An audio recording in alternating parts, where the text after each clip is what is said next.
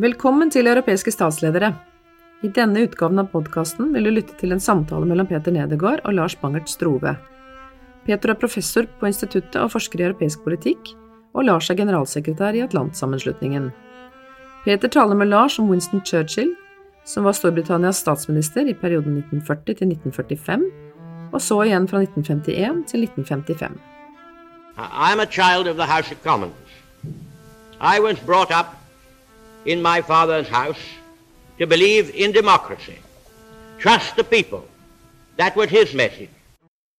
Velkommen til serien om europæiske statsledere, podcastserien om europæiske statsledere, øh, og øh, vi er i gang med de britiske øh, statsledere efter 2. verdenskrig. Vi skal tale i dag om Winston Churchill, og Lars, du sidder over for mig. Lars Banger Struve, vil du kort præsentere dig selv? Ja, jeg er generalsekretær i Atlantsammenslutningen. Min baggrund er historie og statskundskab, og jeg har en Ph.D. i historie, hvor jeg beskæftigede mig med 1700-tallets sikkerhedspolitik, men øh, de sidste mere end, end 10 år har jeg beskæftiget mig med moderne sikkerhedspolitik og hvordan den forløber, og har en lang interesse for Winston Churchill, nok så lang, at min kone træller den hyldemeter eller to, der står derhjemme. Og mit navn er øh, Peter Nedergaard, jeg er professor i statskundskab ved Institut for Statskundskab på Københavns Universitet. Winston Churchill, øh, Lars, øh, hvem var han egentlig? Hvad var hans baggrund? Han er en britisk adelsmand, vil man jo sige nok, eller rettere sagt aristokrat, øh, som var fattig som en kirkerotte, men som kom til at øh, præge europæisk og britisk politik, ikke mindst i, øh, i ufattelig lang tid. Og han er en person, for om der udkommer 10-20 bøger om året i Storbritannien den dag i dag, øh, mange år efter hans død. Så han er altså en, en af de store statsmænd i europæisk historie. Vi kender ham jo bedst for øh, perioden under 2. verdenskrig. Men øh, vi skal i dag snakke om hans, øh, hans meritter efter, øh, nemlig da han bliver premierminister i øh, anden omgang. Hvornår er det, han bliver det? Jamen altså, han, han et af hans store nederlag er nederlaget i 1945. På toppen af Storbritanniens sejr over nazismen sammen med amerikanerne, så taber han parlamentsvalget.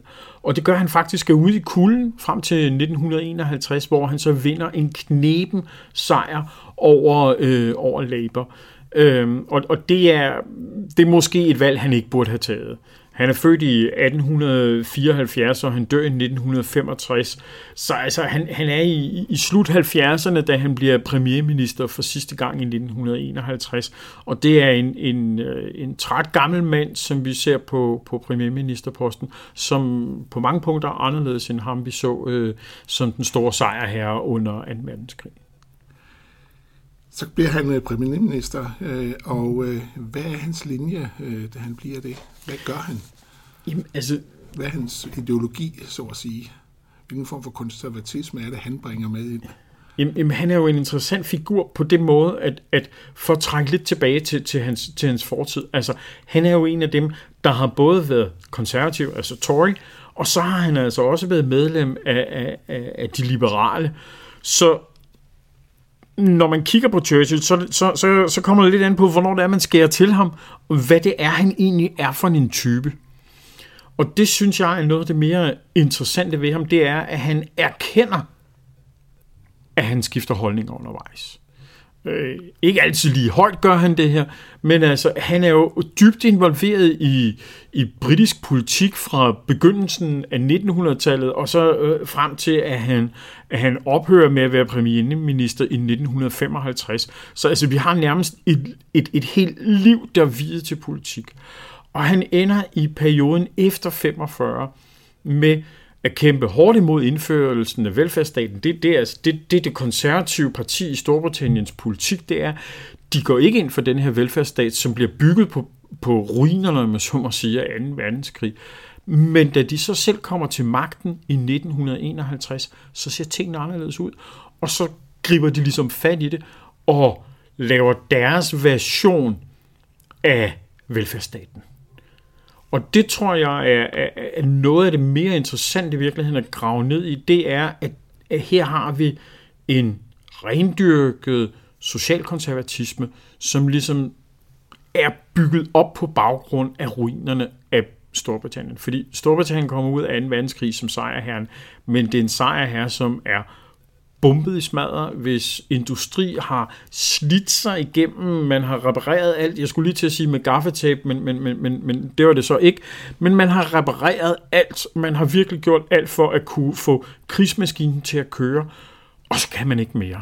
Altså det er ligesom en maratonløber, der lige præcis kommer over målstregen, og i i sidste øjeblik, og så kollapser vedkommende. Og det er lidt sådan, hvis vi kigger på, på Storbritannien fra 1945 frem efter, så kollapser de. Britternes økonomi er fuldstændig smadret, og bliver det jo det øh, lige en ekstra omgang af amerikanerne, da lige så snart 2. verdenskrig er overstået, så siger de, øh, I har optaget en række lån hos os, dem skal I tilbagebetale, og det skal være nu.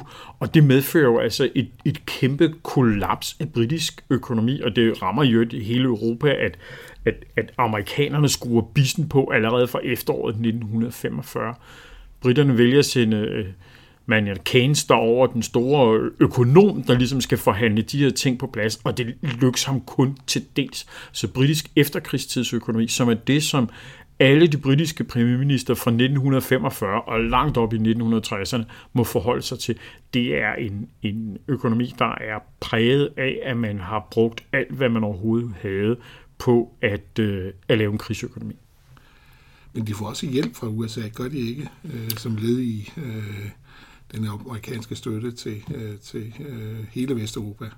Jo, altså britterne er dem, der ender med at få mest ud af Marshallhjælpen, som, som, som man, man, man jo får i 1950'erne, men, øh, og, og der bliver virkelig kastet mange penge efter Storbritannien.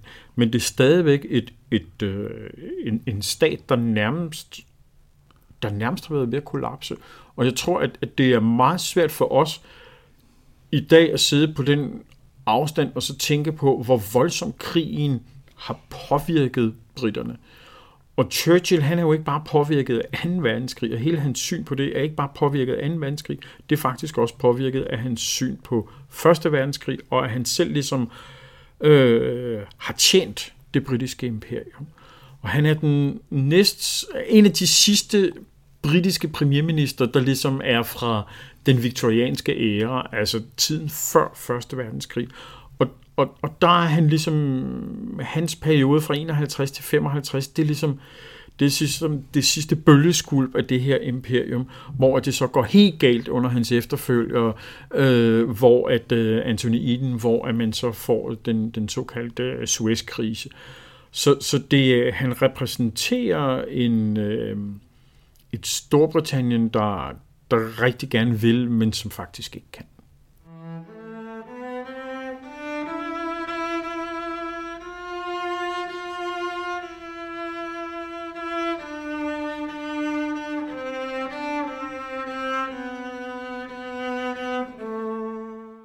Nåede vi lidt ind på hans øh, indrigspolitik og øh, socialkonservative holdning. Hvordan er hans udenrigspolitik i den her periode? Hans udenrigspolitik er jo, er jo formet i meget, meget høj grad af, at han selv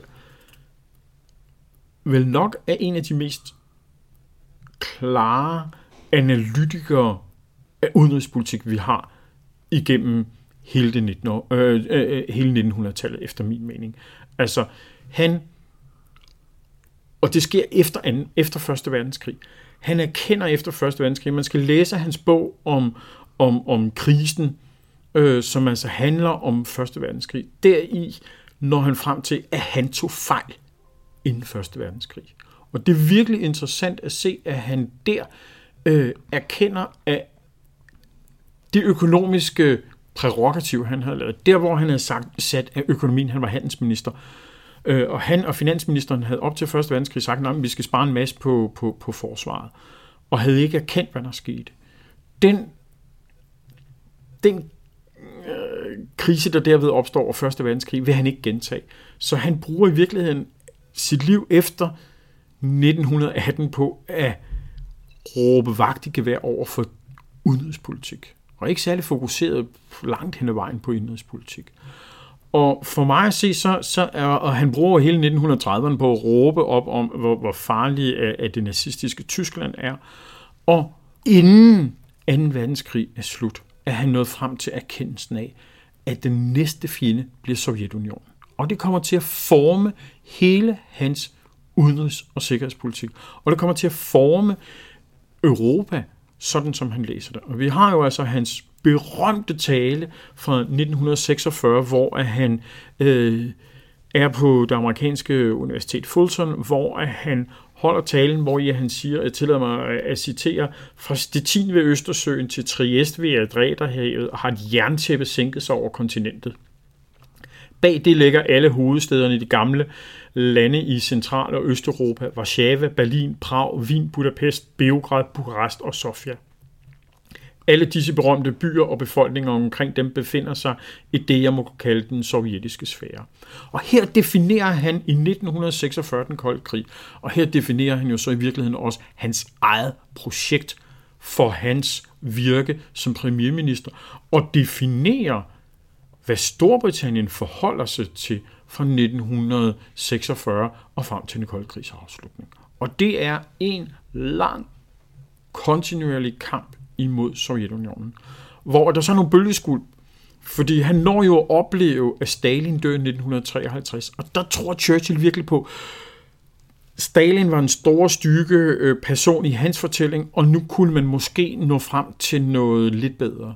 Og det ender han faktisk med at opgive, og han bliver nok i virkeligheden, øh, det er nok et af hans livs skuffelser, det er, at da Stalin er væk, at Sovjetunionen så ikke prøver at gå i en anden retning. Så altså, det er hans udenrigspolitik. Og så, han, så koketterer han ofte med, at han er halvt, halvt øh, amerikansk slægt, øh, halvt øh, engelsk slægt, og det gør, at han er en af dem, der er med til at promovere det særlige amerikansk-britiske forhold.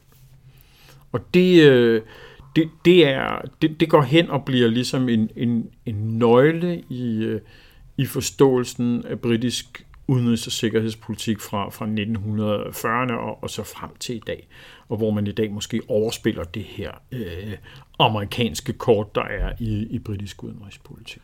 Vi har i serien her, når det handler om de britiske øh, statsledere, tit talt om øh, det specielle forhold mellem øh, Storbritannien og USA. Hvad går det ud på? Er det enten sprogligt og kulturelt? Churchill siger jo i virkeligheden, at, øh, at, øh, at Storbritannien og, og, og USA er, er hvordan nu han siger det, et, et, et, et folk adskilt af et, et fælles sprog, eller, eller sådan noget lignende. Ikke? Altså, man har nok i virkeligheden overdrevet det her special relationship. Og, og jeg tror i virkeligheden, at, lige nu, hvor vi sidder og, og taler sammen midt i et Brexit, så, så har britterne i de seneste par år i hvert fald overspillet det her. Fordi i nutiden, så britisk udenrigspolitik og det der særlige relationship, det bygger jo på, vi har det særlige relationship med USA, vi har NATO, vi har FN, og vi har EU. Og der har Storbritannien ligesom været en tredje sten for amerikanerne ind i Europa. Og jeg ser særligt det britisk-amerikanske særlige forhold som en amerikansk trædesten ind i Europa, hvor Storbritannien har været den, den anglosaksiske stemme ind i Europa. Og det er noget af det, som, som Churchill han ser. Men Churchill og hans efterfølgere, i hvert fald frem til Macmillan, prøver at snyde amerikanerne, fordi de føler sig selv snydt. For eksempel omkring øh, atombomben, så, så får britterne ikke, på trods af at man laver et øh, principielt forskningsfællesskab under 2. verdenskrig, så fortæller amerikanerne ikke alt til dem. Og det svarer britterne igen på. Sådan, så da de går i gang med at, at udvikle hydrogenbomben, så er det jo altså sådan, så at, at så lader de være med at fortælle det hele til amerikanerne. Og de laver faktisk også øh, en, øh, i dag vil vi kalde det for fake news, øh, med at de lader som om, at de har øh, sprunget en væsentligt stærkere og væsentligt bedre bombe, end hvad de egentlig havde gjort. Og på den måde, så prøver de at få sig selv trukket med ind til det her atombord, om jeg så må sige, hvor at øh, vi har siddende amerikanerne og russerne, og hvor britterne og også franskmændene ligesom kæmper sig ind til bordet, sådan så de også har nogle helt særlige øh, forhold at kunne øh, diskutere under. Så der er kur øh, på det særlige forhold mellem de to lande? Det er der, øh, og, og, og det er... Øh, og, og Churchill tager altså også nogle... Øh, negative oplevelser med fra 2. verdenskrig, hvor han i perioder jo har følt sig fuldstændig overtrumfet af, af USA og, og følt sig sat på plads af amerikanerne. Øh, og og, og øh, i Storbritannien, der føler man også, at amerikanerne, ja, de bidrog til 2. verdenskrig, men de rigtig hårde, tunge, ubehagelige ting, det var jo britterne, der tog det. Øh, og det, det gør sig gældende den dag i dag, hvis man møder øh, britiske officerer for eksempel, så gør de en meget hurtigt opmærksom på, hvis man sidder og diskuterer militærhistorie, at, at amerikanerne havde to strande i forbindelse med D-dags invasionen i 1944, og britterne havde to, og kanadierne havde en. Så altså hele den der, der amerikanerne, der befrier Europa, den, den, den udfordrer de virkelig. Og det er jo noget der, hvor øh, at det her særlige forhold faktisk ikke har været særlig godt øh, under, under, under dele af den kolde krig, fordi man ligesom har følt sig trykket af, af amerikanerne. Der er også det britiske imperium. Øh, hvad er Churchills holdning til det, og hvordan ser man det i den her periode efter 2. verdenskrig?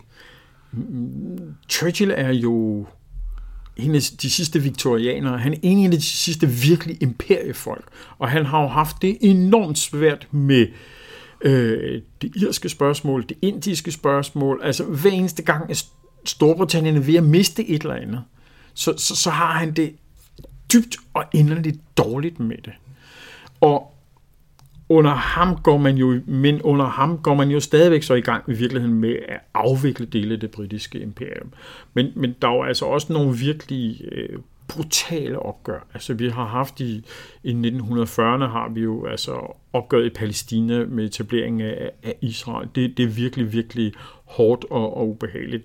Under Churchill, han blev nødt til at forholde sig til Mau Mau øh, oprør, der starter i 1948 i, i Kenya, og Kenya er på det tidspunkt en britisk koloni, hvor man med ekstrem hård hånd øh, slår ned på det. Vi har også øh, The Malayan øh, Incidency, altså Malaya, øh, Malaysia-kampagnen, som, som starter på det her tidspunkt, hvor øh, at man vælger at indsætte militær styrke, politistyrker, efterretningsoperationer, som man, når nu jeg beskæftiger mig med sikkerhedspolitik den dag i dag, kigger tilbage på for at se, hvad er det egentlig, det er, de gør, og kan man bruge de ting, de laver der, til at lave øh, oprørsbekæmpelse. Så han er ikke meget for, at det britiske imperium afvikles? Nej, man skal, man skal huske, altså det her, det var, det, da han var ung, øh, og man skal, øh, øh, man skal give sig tiden til at læse hans, øh, hans erindringer, der hedder De Unge År. Der, der beskriver han jo altså, hvordan er han... Øh, Øh, han er jo med til at, at kæmpe i Afrika. Han er med til at kæmpe i, i Boerkrigen. Han er dybt involveret i, i, i Indien, og hver gang, at der er en krig, som har at gøre med, med imperiet, så prøver han at engagere sig.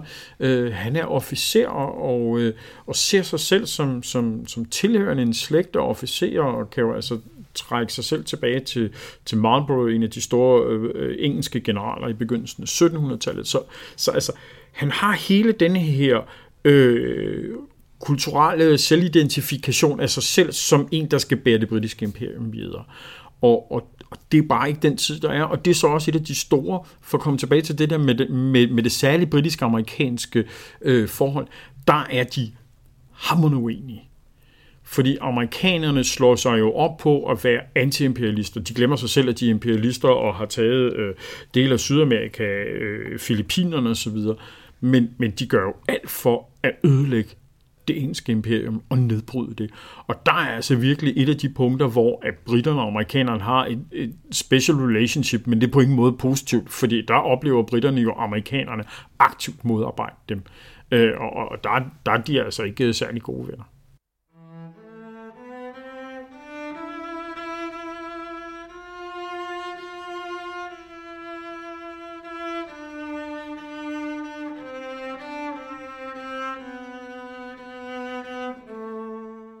Hvordan er Churchills øh, politik i forhold til øh, Europa? Vi ser, at kul- og stålfællesskabet blev etableret i hans øh, periode som premierminister. Og det er nok en af, efter min mening, en af hans store fejl. Han holder, han, eller rettere sagt, hans ministre ender ved, nærmest ved et uheld, og historien er nok lidt, lidt bedre, når den er blevet viderefortalt end 5-10 gange, øh, at, at de, øh, der er ikke nogen hjemme til at, at tage beslutningen, da man bliver kontaktet af Schumann, om, om vil man være med i denne her kul- og stålunion, og det bliver sådan diskuteret i et baglokale på et hotel, så vidt jeg husker. Men, men bundlinjen er, britterne med Churchill i spidsen, synes, at det er rigtig godt, hvis Europa får løst deres problemer. altså det kontinentale Europa, hvor at i Churchills optik og en række af hans samtidige og hans ministres optik, så er England og Storbritannien ikke en del af Europa. Og det præger britisk politik den dag i dag. Altså denne her med, at man står lidt uden for Europa. Man er ligesom ikke en del af kontinental-Europa. Og hvor man ønsker, at franskmænd og tyskere laver kul- og stålunion, så de ikke kommer i krig. Det synes man er rigtig fint, men man har ikke selv øh, behovet for det. Det kommer også til at præge de efterfølgende øh, forhandlinger om, om man skal komme ind i, i, i fællesmarkedet osv. Altså, hvor, hvor står man egentlig henne? Øh, skal man stå udenfor? Fordi det er nok i virkeligheden det, som, som taler mest til folkesjælen og til, til, til, til selvopfattelsen, at, at man er jo nogen, der står uden for det her Europa. Så han fører en linje videre frem til nutidens Brexit, vil du mene? der er i hvert fald rigtig mange Brexiteers, der ligesom trækker tråden tilbage til ham, og der er sådan en, en, en kamp, hvis man går ind og kigger nærmere på, hvem der sagde hvad under Brexit-kampagnen. Der er en kamp om at prøve at finde det rigtige Churchill-citat. Og i kraft af, manden han er, altså, er, er politiker i, i, i 50-60 år, så er der rigelige af citater at gribe fat i. Og begge parter prøver ligesom at finde det rigtige Churchill-citat, der fortæller, hvad han synes om Europa.